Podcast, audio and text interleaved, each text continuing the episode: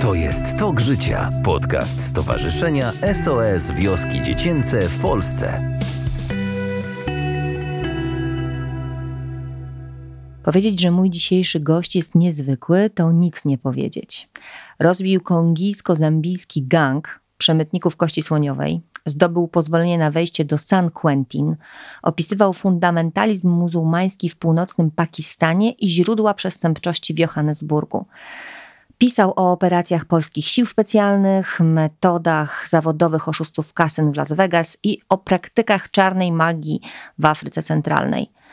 Nurkował z żarłaczami białymi i, co przeraża mnie najbardziej, łapie węże.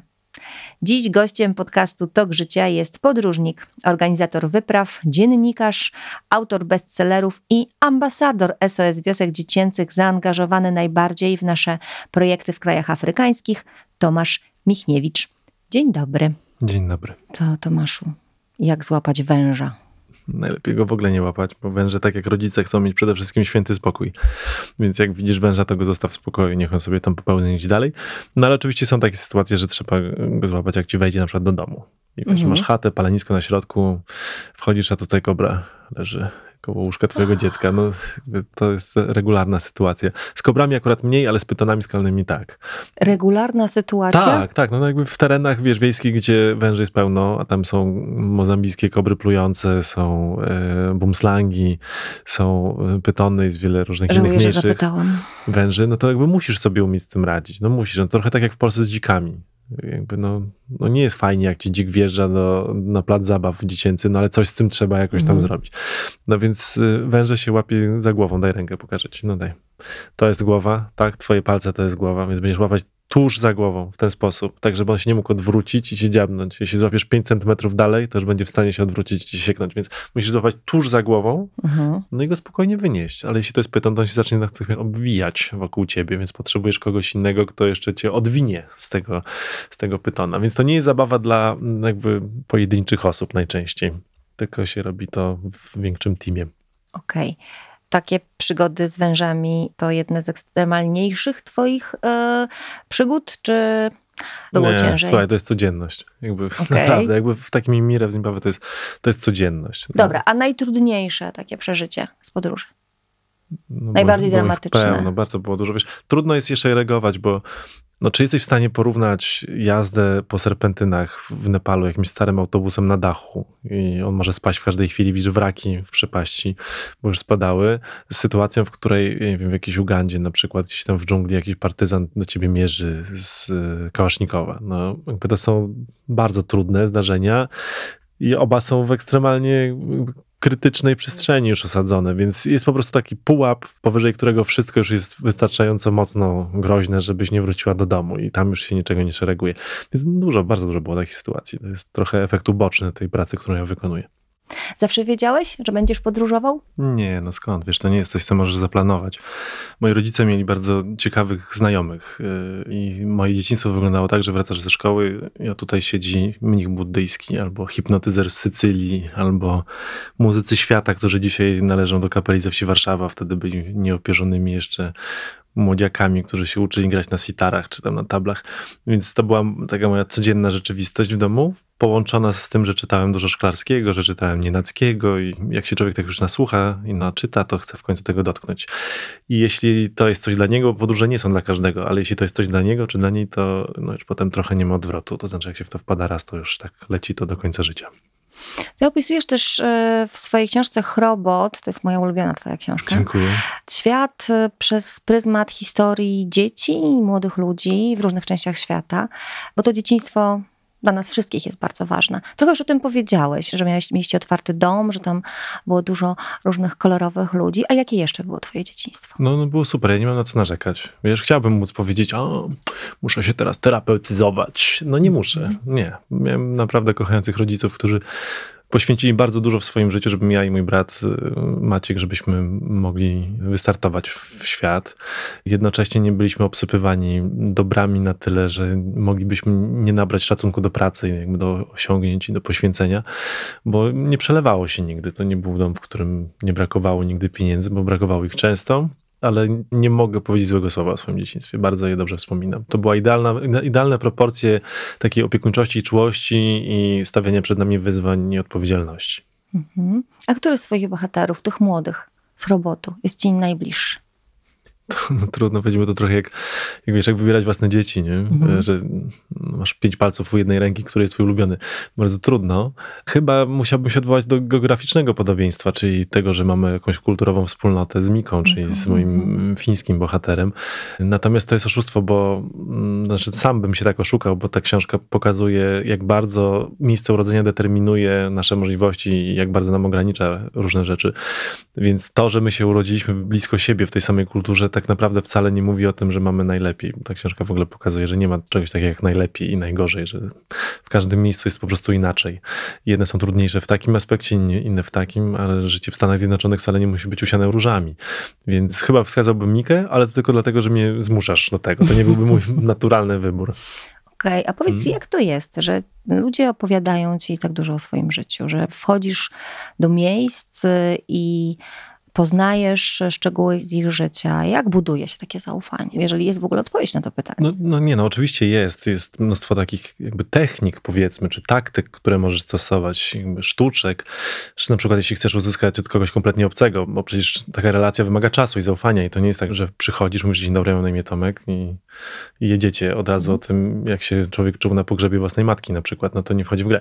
Ale jest, jest kilka takich jakby patentów, które można zastosować, yy, yy, na przykład to, że zaczynasz swoją osobistą historię. Jeśli wprowadzasz rozmowę na ten poziom samemu czy samej się otwierając, to twój rozmówca się czuje dużo bezpieczniej w tej konwencji, wtedy dużo łatwiej jakby z nim rozmawiać na trudne tematy. Ale tak naprawdę, wiesz co, to jest mało może konkretna odpowiedź, ale ona jest najbardziej prawdziwa, że udaje się rozmawiać z ludźmi na takie bardzo osobiste tematy i nakłaniać ich do takich zwierzeń, jeśli traktujesz ich jak ludzi. Że najpierw jest człowiek, a potem jest temat bo mhm. my jako reporterzy, ja jako reporter, my trzymamy ludzkie życie w swoich rękach w pewien sposób. To znaczy, górale z Pakistanu nie będą mieli żadnego wpływu na to, w jaki sposób ja ich sportretuję. Ja mogę zrobić, co chcę. Jeśli popełnię błąd, to ktoś tam daleko, na końcu świata, ja o tym nawet nie będę wiedział, pójdzie do więzienia jeśli pozwolę go zidentyfikować w tekście na przykład i padną wobec niego jakieś podejrzenia, że, że może miał jakieś kontakty z organizacjami terrorystycznymi. Więc y, ja zawsze wychodzę z takiego założenia, że to są najpierw ludzie, a potem moje tematy i że ja też najpierw jestem człowiekiem, a potem dopiero reporterem. I tekst zawsze musi ustąpić dobru tego człowieka. Jakby ja nie mogę mu zrobić krzywdy. Gdybym się zajmował reporterką śledczą, to może to byłoby inaczej, bo przyglądałbym się brudnym biznesom wielkich korporacji gdzieś tam w terenie, ale ja pracuję z ludźmi, więc y, muszę ich szanować i lubić na tyle, że to jest autentyczne. W przeciwnym razie to się nie uda po prostu. To wielka odpowiedzialność, prawda? Takie. No ja ją czuję, tak. Mhm. Pewnie nie każdy by czuł, ale ja akurat tak. Mhm. A powiedz, y, wyczytałam gdzieś, nie wiem, że to są aktualne liczby, 64 kraje, tyle odwiedziłeś, czy więcej już? 4 czy 5, nie wiem no nie liczę. Wiesz, na pewnym etapie, jeśli podróżowanie jest twoją pracą, przestajesz liczyć, bo to już nie chodzi o to, żeby mieć jak najwięcej stempelków w paszporcie. Mhm. Ja przez ostatnie pięć lat bardzo dużo wyjeżdżałem, a nie zwiększyłem tej listy, a nawet o jedną pozycję. Czyli mhm. stale wracam w te same miejsca. No, w Zimbabwe byłem, nie wiem, z 16 razy, w Tajlandii byłem chyba 14 razy, w Etiopii byłem parę razy, w Nepalu byłem parę razy. No jakby w większości krajów, które odwiedzałem, ileś razy robiłem różne rzeczy. Y, więc y, po jakimś czasie, jeśli to jest twoja praca, podkreślam, te powroty dają ci dużo, dużo więcej, bo pozwalają wchodzić głębiej, a nie tylko zaliczać kolejne punkty na liście do odhaczenia, wiesz, z danych miejscówek turystycznych. I nadal pół roku spędzasz w podróży? Nie, nie, nie, już teraz nie. Mam dzieci i mhm. gdy się zdecydowałem na dzieci, to było dla mnie oczywiste, że nie po to przywołujesz te istnienia na świat, żeby z nimi nie spędzać czasu i że ja nie chcę być takim weekendowym tatą, tylko takim tatą tatą, samodzielnym tatą, mhm. Który nie potrzebuje nikogo do pomocy i sam nie jest od tego, żeby pomagać, tylko być ojcem, być rodzicem mhm. równorzędnym. Czyli masz czas dla rodziny, dla przyjaciół. To nie jest tak, że cię ciągle nie ma. Nie, ale też się musiałem tego nauczyć. Wiesz, jakby nie będę kłamał. To życie podróżnicze jest tak błyszczące, to jest niesamowite doświadczenie, że wyjeżdżasz na trzy tygodnie, a masz wrażenie, że cię nie było trzy miesiące. Jakby tyle się dzieje. Tyle się o sobie dowiadujesz, tyle przeżywasz przygód, w ogóle urywa głowę. Mhm. Potem wracasz do Polski i ci się wydaje, że to życie tutaj to jest takie mdłe. No jakby te tygodnie przylatują tak cyk, cyk, cyk, cyk i już ich nie ma. I wiesz, całe lato przyleciało na przykład. Więc jakby coraz bardziej chcesz wyjeżdżać i wpadasz w takie trochę, w takie zapętlenie, w takie obrotowe drzwi, że tam ci się życie wydaje ciekawsze, lepsze. Ono nie jest tak naprawdę tam ciekawsze ani lepsze, tylko ci się wydaje, bo jest pozbawione tej niby, rutyny. tej rutyny, tej jakby tej nudy, tej mhm. codzienności. Ale to właśnie ta codzienność to stanowi podstawę twojego życia, bo koniec końców to ludzie, którymi się otaczasz, relacje, które z nimi masz, praca, którą wykonujesz, zasoby, które gromadzisz, doświadczenie, które gromadzisz, to jest ważniejsze, a nie to, że wiesz, masz zdjęcia z Orinoco, no, albo tam z Doliny Hunzy w Pakistanie. Więc y, były takie lata, że faktycznie nie było mnie 6-7 miesięcy w ciągu roku w domu i też był taki moment, że poczułem, że to jest za dużo i że mi się tutaj rozłazi. I wtedy na przykład nie wyjechałem przez półtora roku w ogóle nigdzie. Stwierdziłem, muszę odbudować jakąś bazę, bo y, naprawdę w moim przekonaniu najważniejsze, co jest w podróżowaniu, to jest to, żeby mieć do czego wracać, a nie żeby jeździć w kółko. Trzeba mi mhm. bazę. Rzeczywiście dość trudno było się umówić na to spotkanie, bo cały czas mówiłeś, że musisz się zająć dziećmi, w związku z tym tak, nie ten dzień, nie a, ta mógłbym godzina. odpowiadać, mhm. bo jestem w Gwatemali w tym momencie. No tak ale jest. Nie, nie. Czyli jestem jesteś tatą. bardzo zaangażowanym tatą. Twoi mhm. synowie mają Mam ile lat? Pięcioletnie bliźniaki, Jacka i Jerzyka. To maluchy jeszcze. E, no, oni tak nie takie... uważają. No, to na pewno. A mają zadatki na podróżników? Kurczę, nie wiem. Pewnie w ich wieku też nie miałem, a przynajmniej ich nie uwidaczniałem. Natomiast ja też ich nie próbuję ukierunkować w żaden sposób. Uważam, że to nie jest rozsądne, żeby jakby był modelem do ich jakby, wiesz, kariery czy drogi życiowej. Dużo lepiej, żeby oni sobie sami znaleźli swoją rolę, żeby się nie musieli mierzyć z nikim, żeby jakby czuli się komfortowo. Więc ja ich zachęcam do eksploracji świata i siebie na wszelkich możliwych poziomach. Razem gotujemy, razem jeździmy do lasu, razem się bawimy, razem wymyślamy gry, razem odwiedzamy ludzi, razem gramy na instrumentach i tańczymy. Jakby robimy bardzo różne rzeczy i nie podkreślam wagi, a tatuś to podróżuje, to jakby to jest teraz dopiero mm. najważniejsze. Dzisiaj jedziemy na wyprawę do lasu. No nie, nie, to jest po prostu wyjście do lasu i tyle. I jeśli będą chcieli kiedyś podróżować, no to co ja będę mógł powiedzieć? No nic nie będę mógł powiedzieć, yy, ale żeby... Trochę jak twoi rodzice, co? No moja mama to do dzisiaj cierpi. No właśnie o to chciałam zapytać. Tak. O to łapanie węży, nurkowanie z rekinami, co, ja tych partyzantów, no ale chyba czyta, co? No czyta po fakcie, więc wie, że wróciłem całą. Ale nie, ja nigdy moim rodzicom nie mówiłem, dokąd lecę i co będę robił.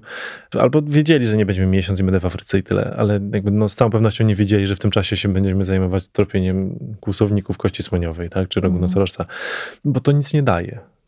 Jakby po co ja mam ich obciążać moimi wyborami? To jest w ogóle wielki paradoks podróżowania, że największe koszty tego wyboru życia podróżniczego to ponoszą bliscy i rodzina, a nie my sami jako podróżnicy bo to jakby oni tęsknią, oni się boją, oni nie mają z nami kontaktu i my siedzimy w tej dżungli, wiemy, że jest wszystko ok, ale oni tego nie wiedzą. Mhm. Oni przez tydzień nas nie słyszą po prostu i tyle. Więc to oni siwieją i wiesz, i, i obgryzają paznokcie i, i jakby to ich najbardziej kosztuje, bo nas nie ma do wsparcia w tym czasie się świat nie zatrzymuje i tutaj się dzieją różne przykre rzeczy, a nas nie ma, bo znowu jesteś na Orinoco, tak? I tyle. I tam sobie jakieś łowisz piranie, a tutaj w domu ktoś choruje i dobrze by było się tatą, mamą zająć, nie? A ciebie nie ma po prostu.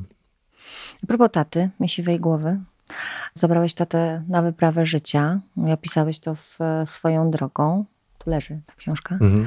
Tam jest napisane, że na początku tej historii, że markowaliście wspólne życie. Ja chciałam zapytać, co to znaczy, że je markowaliście i jak to się zmieniło po tej wyprawie i czy się w ogóle zmieniło? No właśnie się nie zmieniło w o. takim stopniu, w jakim chciałbym, bo, bo to miała być faktycznie w założeniu taka podróż, w której jakby staniemy się dorosłymi partnerami.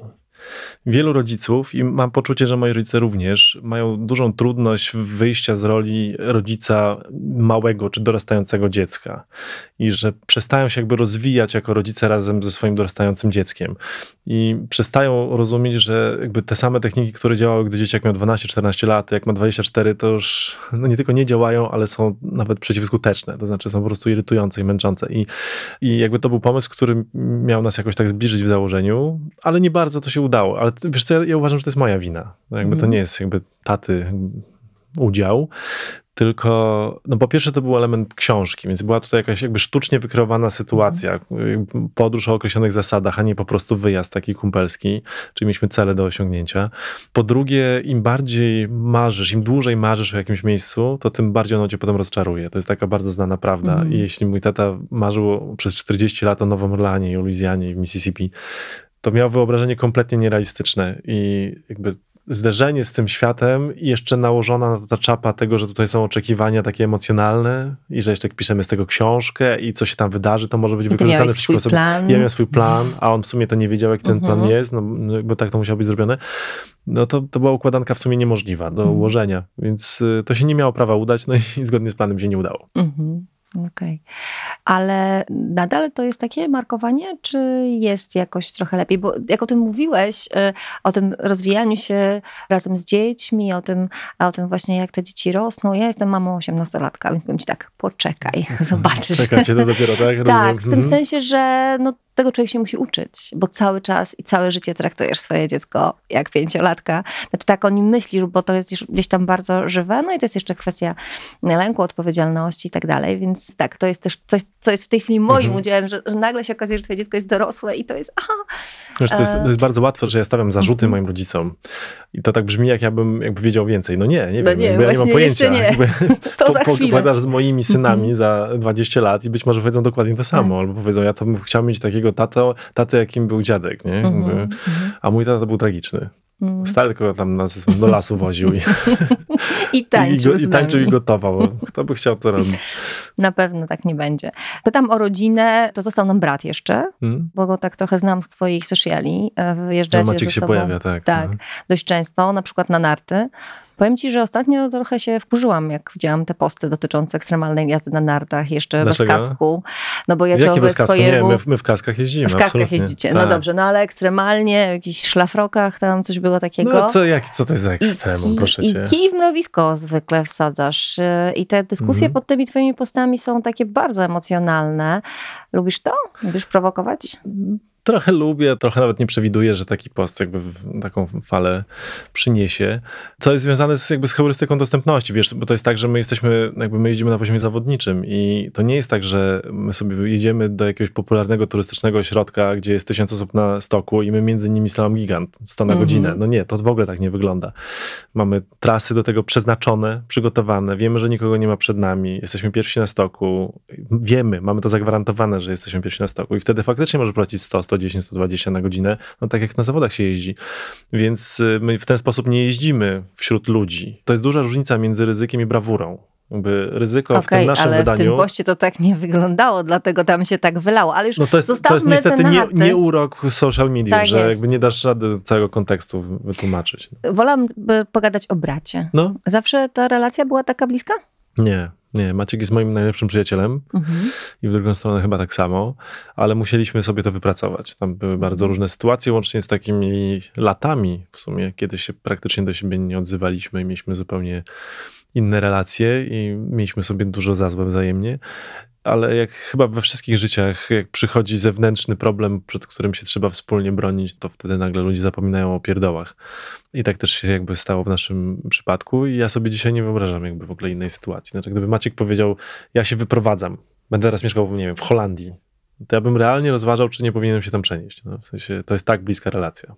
A jaka jest różnica między wami? Dwa lata jest, jest szczeniakiem. Mhm. Dzie dzieckiem można powiedzieć jest. Okej. Dziś o- rozmawiamy o twojej rodzinie. Ja mam wrażenie, że ty masz jeszcze jedną rodzinę w Imirę. No, Prawda? to prawda, tak. I ta rodzina ma często cztery nogi albo cztery łapy, to, Mhm. to też. No i Mire jest rezerwatem dzikiej przyrody we wschodnim Zimbabwe, do którego trafiłem chyba, nie wiem, z 15 lat temu pierwszy raz, idąc e, tropem pusowników w Afryce subsaharyjskiej. I wiesz, jakby postawiłem tam nogę, pogadałem z tymi ludźmi i stwierdziłem, no to jest moje miejsce. Jakby, Mhm. Niestety. Znaczy, niestety dlatego, bo to daleko, Daleko. wiesz, długo się leci, drogo, panie. Wolałbym, żeby to była Lubelszczyzna, no, ale niestety w tego typu, zwłaszcza charytatywnym działaniu czy pomocy systemowej, to sama wiesz lepiej niż ja, że to nie człowiek wybiera projekt, tylko projekt jego wybiera. I z jakiegoś powodu, nigdy nie wiesz, coś zarezonuje. Akurat w danym momencie życia trafiasz akurat w to miejsce i byłem w stu innych, a akurat to jedno konkretne cię łapie za serce i koniec. No i od tamtej pory wspieram to miejsce, współbuduję je, staram się je chronić, bo to jest taka rzeczywistość, w której jednego dnia możesz wszystko stracić. No to jest Zimbabwe jest dyktaturą wojskową, która grabi ziemię, grabi sprzęt, grabi wszystko i robiła to już tysiące razy wcześniej. Nie ma powodu, żeby przestała teraz. No, a taki duży teren pełny zwierzaków, e, no, w oczy kole po prostu mhm. i każdy tam wataszka miałby życzenie sobie zająć ten teren. No i były i próby tego typu, nieraz, prawie co roku są. Były wejścia na teren z bronią, były oddziały wojskowe, które tam się pojawiały, żeby próbować to zająć, a mimo to imirze trwa i dopóki się da tę jakby wojnę o nosorożce toczyć, to będziemy ją toczyć, nawet jeśli ona jest z góry przegrana. No to nieważne. Mhm. Zwierzęta, walka o klimat to jest e, coś, co jest ci bardzo bliskie?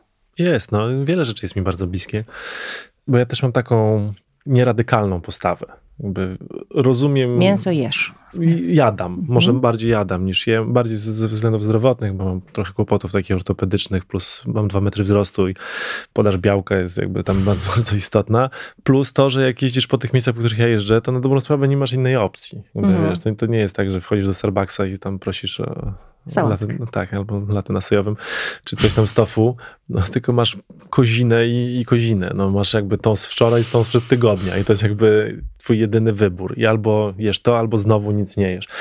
Więc jakby nie mam radykalnych postaw, rozumiem, że to, na co my możemy liczyć tak realistycznie, to jest raczej ewolucja, a nie wielka rewolucja, którą niektórzy internetowi quasi eksperci głoszą, że teraz wszyscy będziemy weganami, będziemy, wiesz, rzeżuchę wsuwać, którą będziemy sami w ogródkach mhm. hodować. No nie, nie będziemy. No, po prostu nie będziemy. I my pędzimy jako świat na ścianę, zwłaszcza w kwestii katastrofy klimatycznej, nie ma co do tego żadnych wątpliwości. I co wydaje się jakby kompletnie nieracjonalne, że nie rzucamy wszystkiego, żeby się przed własną zagładą obronić, no ale ludzie tak funkcjonują i tego się nie przeskoczy, no, bo, bo to jest zagrożenie kiedyś, mhm. a rachunki do spłacania teraz. No i, no i się kończy dyskusja. Ale ubrań w sieciówkach nie kupujesz? Nie, nie. To też z twojego Facebooka wiem.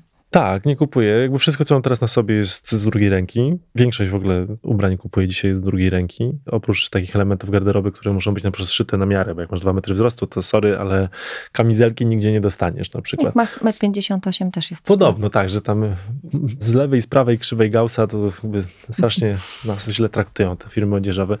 Więc ja jakby stoję na takim stanowisku, że powinniśmy robić co się da w tych obszarach, w których jest to nie może niewygodne, ale nie jest to za bardzo kosztowne dla nas. Więc y, taki tam przykład, wiesz, durny słomek do napojów. Czy świat się jakby zawali, jeśli będziemy korzystać ze słomek do napojów? Nie, ale to jest taki symbol, jakby no nie mhm. musisz. Mhm. Jakby, czy ten napój będzie gorzej smakował? Bez tej słomki nie, więc, więc najlepiej jest szukać y, jakby tego własnego wkładu w jakiś tam dobrostan naszej planety w tych obszarach, w których to cię w sumie nic nie kosztuje, tylko to jest kwestia przyzwyczajenia. Mhm. Jak mówiłeś o tym, że to Imire trochę cię wybrało, albo ty je wybrałeś, wspomniałeś o Lubelszczyźnie. Ja się uśmiechnęłam, bo akurat na Lubelszczyźnie mamy najwięcej SOS Wiosek Dziecięcych mhm. w Polsce.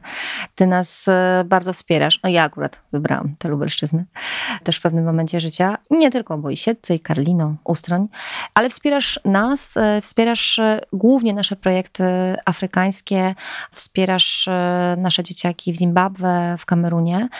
Powiedz, jak tam wygląda sytuacja dzieci? No cienko. Mam opowiadać tak poprawnie politycznie, czy tak z serca, jak wolisz? Serca wolę zawsze. Serca, proszę bardzo. To nie będzie takich określeń typu kraj ekonomicznie nieprzystosowany, hmm. tylko będzie słowo nędza i będzie bieda, wiesz, i ja nie słyszałem nigdy nikogo z grupy etnicznej Shona, do której jakby już przynależę, zostałem adoptowany do jednego z klanów, żeby powiedział, ja jestem nie, ekonomicznie nieprzystosowany. Mhm. Wiesz, mówi, jak cię nie stać na leki dla twojego dziecka, to jesteś biedny a nie ekonomicznie nieprzystosowany. Więc rzeczywistość przede wszystkim nie jest jednorodna, bo nawet w samym Zimbabwe, które jest raczej jak na Afrykę subsaharyjską słabo rozwiniętym krajem i bardzo biednym i rządzonym przez dyktaturę wojskową, która naprawdę rozkrada wszystko, co jest w stanie, to nawet w tym Zimbabwe są jakby różne planety. I masz Harare, czyli stolicę, w której życie dzieciaków w sumie to nie odbiega szczególnie od tego w Polsce, tak naprawdę. Masz mhm. infrastrukturę, komórki, taksówki, hotele, restauracje, boarding schools, czyli szkoły z internatem i, i, taką, wiesz, pobrytyjską edukację. No i to jest planeta A, ale też jest planeta B, tam gdzie my działamy, czyli w wschodniej Zimbabwe, prowincja Łedza, no gdzie jest kompletnie inna rozmowa. No to to już jedziesz wtedy na przykład przez dwie godziny przez burz samochodem, żeby dojechać do tego Imire i przez cały czas mijasz dzieciaki, które idą do szkoły albo wracają ze szkoły. I jak daleko mają na przykład? Dwie godziny na przykład mają spaceru mhm. do tej szkoły. I idą, idą, idą, idą. Niektóre z nich niosą na przykład e, swoje buty pod pachą, żeby się nie zniszczyły, bo to są na przykład jedyne buty, jakie mają, więc będą szły na bosaka. Był taki pomysł, że przez jakiś czas kupowaliśmy rowery dla tych dzieciaków, żeby one mogły szybciej dojeżdżać do szkoły. Mhm. Bo to jest tam, nie wiem, 15 km idą, albo 20 km, no to wtedy bardzo szybko te rowery zostały im zabierane, na przykład przez rodziców, którzy, wiesz, mieli je do własnej dyspozycji. Dzieciaki jedzą raz dziennie najczęściej, nie mają w ogóle czasu na zabawę, w takim naszym rozumieniu. To w ogóle nie jest dzieciństwo w tym europejskim rozumieniu. To jest bycie małym dorosłym od urodzenia na dobrą sprawę.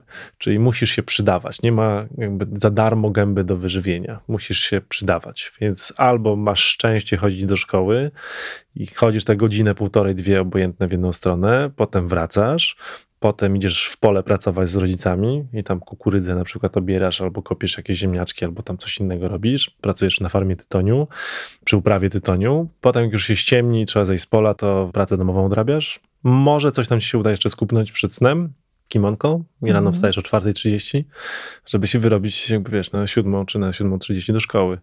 I tak codziennie, dzień w dzień. I rzeczywiście wszystkie dzieci chodzą do szkoły? Nie, Tak jak mówią skąd? statystyki rządowe? Co ty? No nie, nie, no to jest w ogóle jakiś absurd. Statystyki rządowe, proszę cię, wiesz co, Zimbabwe to jest taki kraj, że nawet jak w nim mieszkasz, to nie wiesz, co w nim się dzieje. Jakby nie wiesz, kto nim rządzi, kto jest. Nagle się okazuje, że ktoś inny jest ministrem górnictwa. I nikt się nie powiedział, jakby wiesz, nie było jakiejś nominacji, jakiejś tam dymisji, nie było niczego takiego. Nagle ktoś inny zaczyna opowiadać o górnictwie i tyle.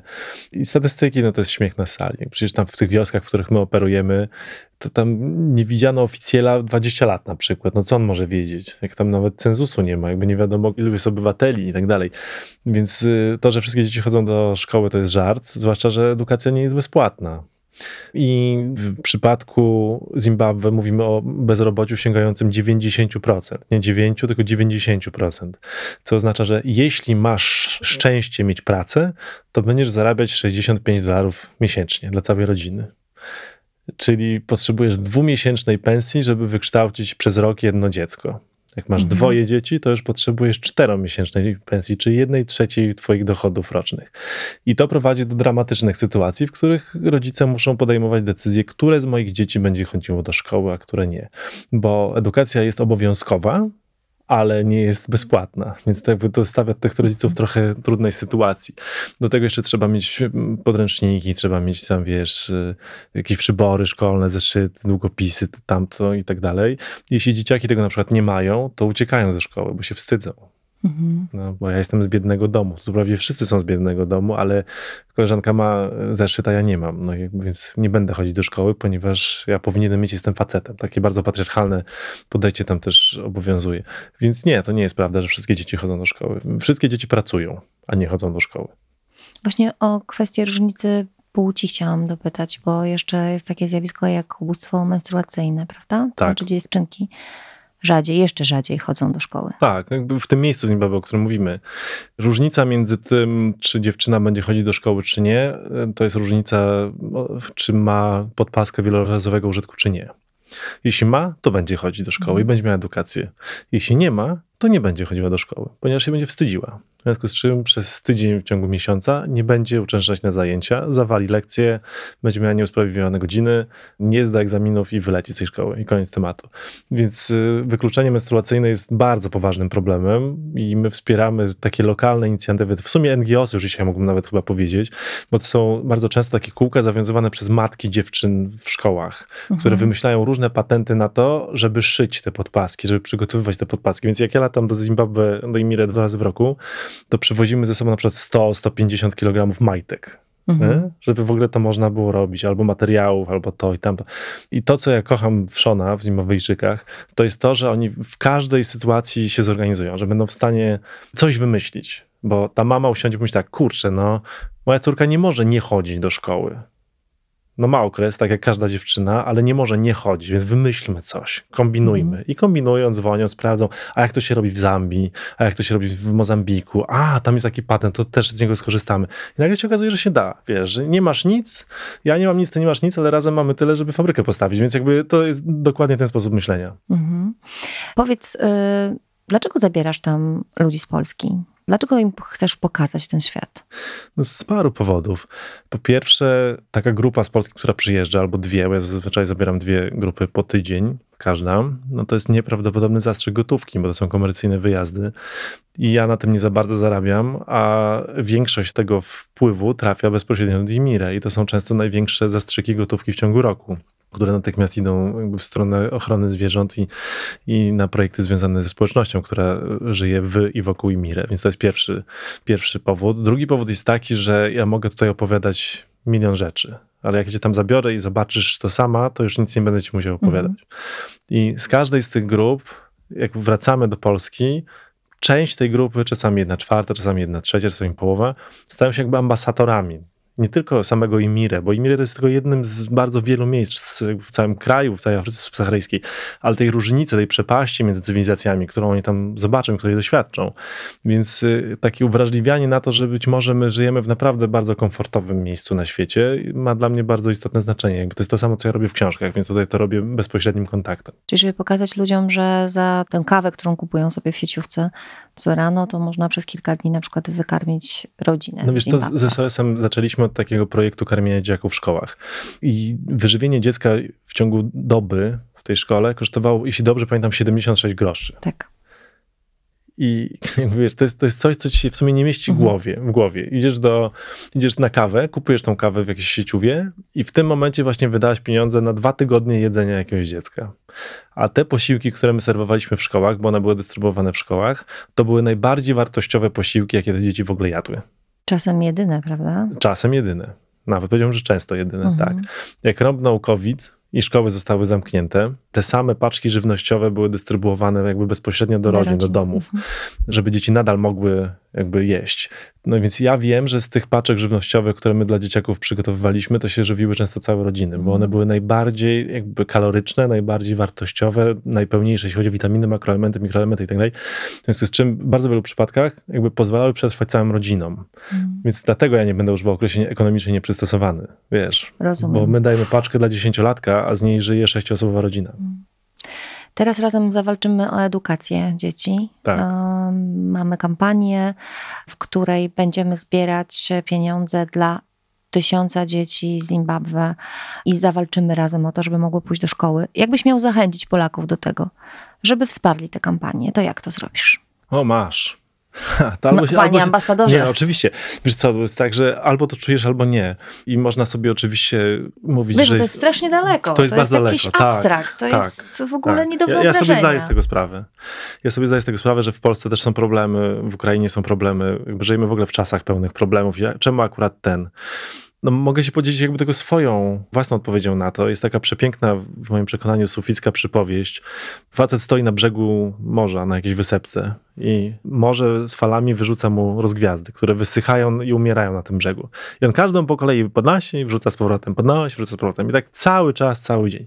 I przychodzi jakiś inny mężczyzna i pyta, panie, czemu pan to robisz? Jakby wszystkich pan nie uratuje, tak? No jakby tu jest na tej plaży tysiąc tych rozgwiazd, a pan wrzucił tylko 60 na razie, a tutaj tych plaż na tej wyspie to jest 11, a takich wysepek to jest 350. Jakby po co? Przecież to nie ma żadnego sensu. Wszystkich pan nie uratuje. I ten nasz główny bohater, wrzucając jedną rozgwiazdę, mówi, ale tę jedną uratuje. Więc y, bardzo łatwo się jest się zasłaniać tym, że tych problemów jest tyle, że tutaj nie ma co robić. No to zrób cokolwiek. Nie musisz uratować wszystkich rozgwiazd, uratuj jedną.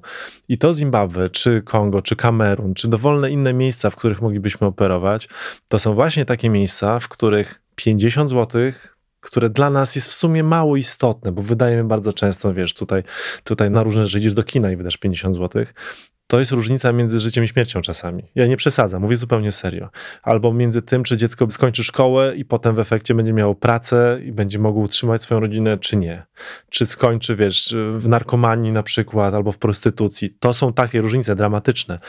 I dlaczego to robić właśnie w Zimbabwe? Dlatego, że to 50 zł tam znaczy o wiele więcej i pozwala o wiele więcej zrobić. 76 groszy kosztowało wyżywienie jednego dzieciaka, wiesz. No to pokaż mi w Polsce człowieka, którego nie stać na to, żeby złotówkę dziennie na przykład odpalić, mhm. tak? I w Polsce niewiele zrobisz za tą złotówkę dziennie.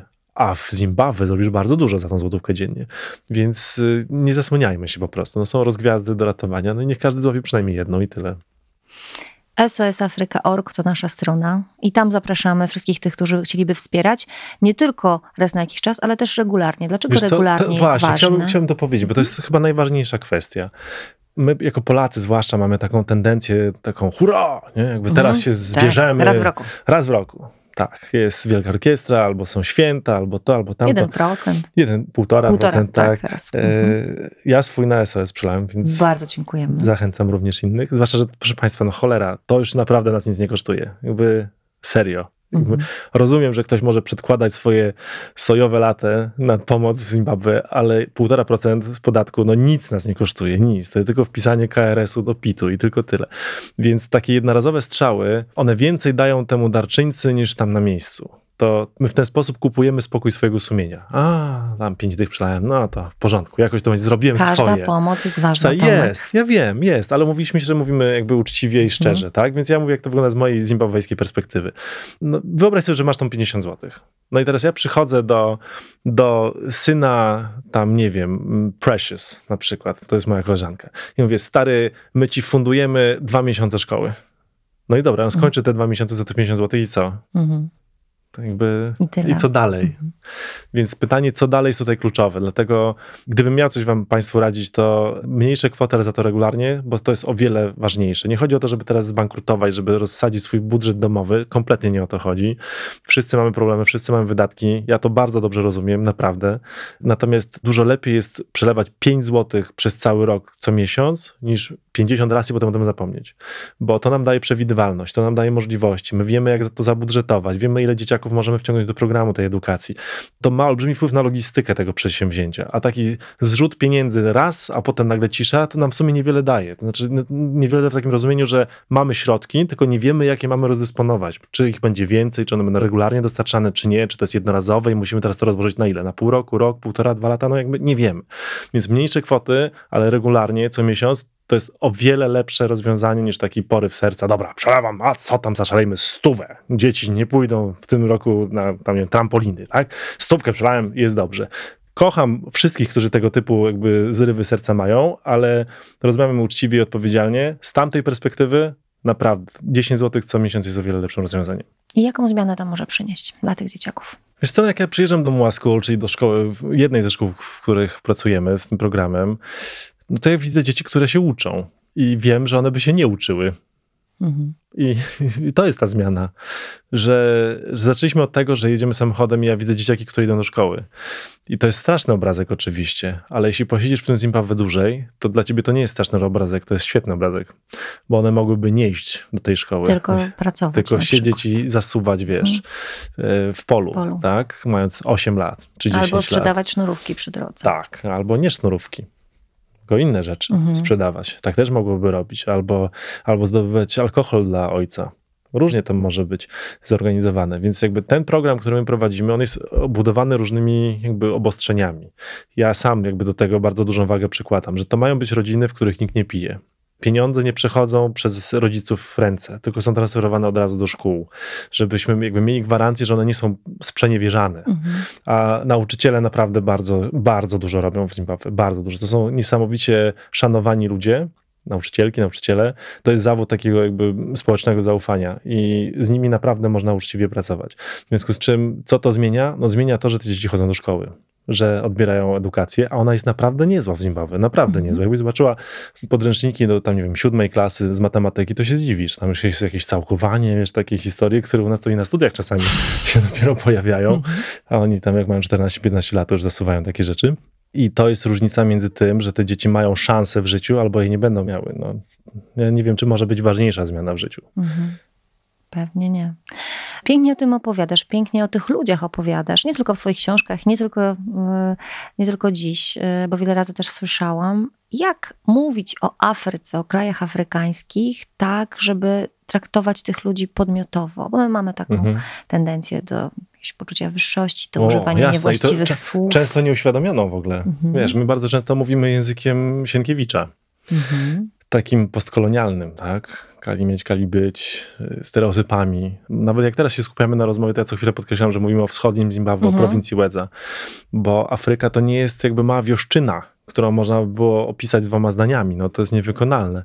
No, to jest 50 kilka państw i terytoriów zależnych, 2000 grup etnicznych i językowych. No to jest jakby niesamowicie zróżnicowany kontynent. Olbrzymi, gigantyczny i tam jest wszystko. Tam są i wieżowce szklane, i luksusowe samochody, i bieda taka, że aż piszczy i że dzieciaki umierają z głodu. Wszystko się zmieści w Afryce, więc y, przede wszystkim trzeba przyjąć do wiadomości, że tak jak nie ma jednej Europy, tylko jest tam Polska, Albania, Szwecja, Holandia i różne inne kraje, tak nie ma jednej Afryki, tylko są bardzo różne Afryki w różnych miejscach. A po drugie, że to, że mieliśmy szczęście urodzić się tutaj w najbardziej, najbardziej zamożnym regionie świata, w cywilizacji, która kosztem innych cywilizacji najwięcej osiągnęła historycznie, to nie jest żadna nasza zasługa i że my jesteśmy na biorczym końcu tego procesu. Jeśli już, to jesteśmy za wiele rzeczy odpowiedzialni. Mhm.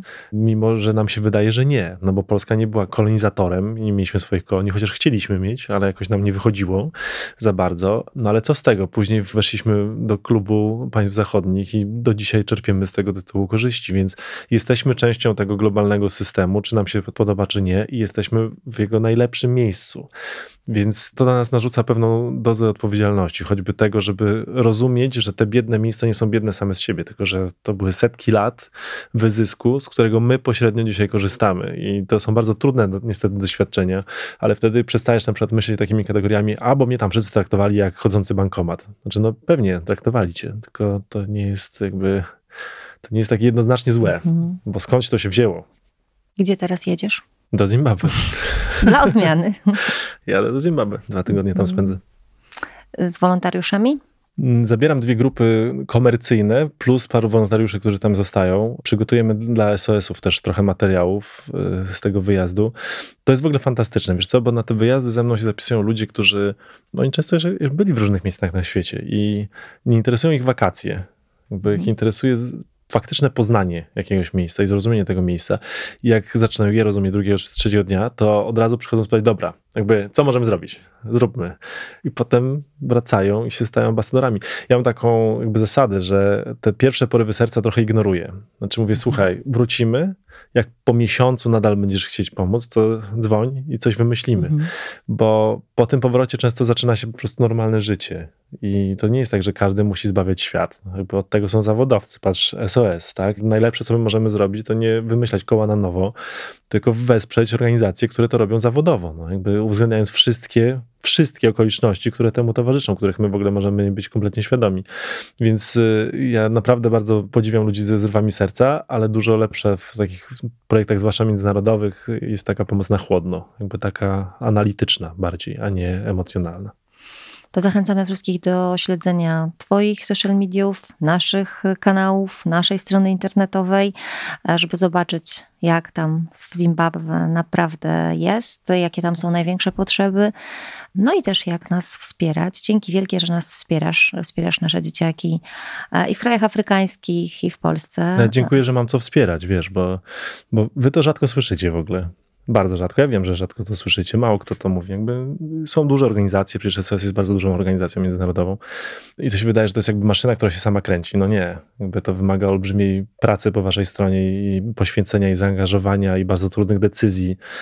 Państwo sobie nawet nie wyobrażają, z jak trudnymi decyzjami to się wszystko wiąże, bo komuś trzeba pomóc, a wszystkim nie damy rady, w związku z czym trzeba stale wybierać mniejsze zło, trzeba stale wybierać bardziej efektywne działania i bez waszego wkładu, waszej pracy, bez waszej wiedzy, to by się w ogóle nie mogło udać. Więc proszę Państwa, te pięć dyszek, które my tam mamy wpłacać na przykład, to jest naprawdę najmniej, co my możemy zrobić, ale warto wspierać ludzi, którzy, którzy to robią uczciwie, więc to ja dziękuję Wam. Ja też Ci bardzo dziękuję i uważaj na siebie. Dziękuję Ci bardzo. Do usłyszenia. To był Tok Życia, podcast Stowarzyszenia SOS Wioski Dziecięce w Polsce.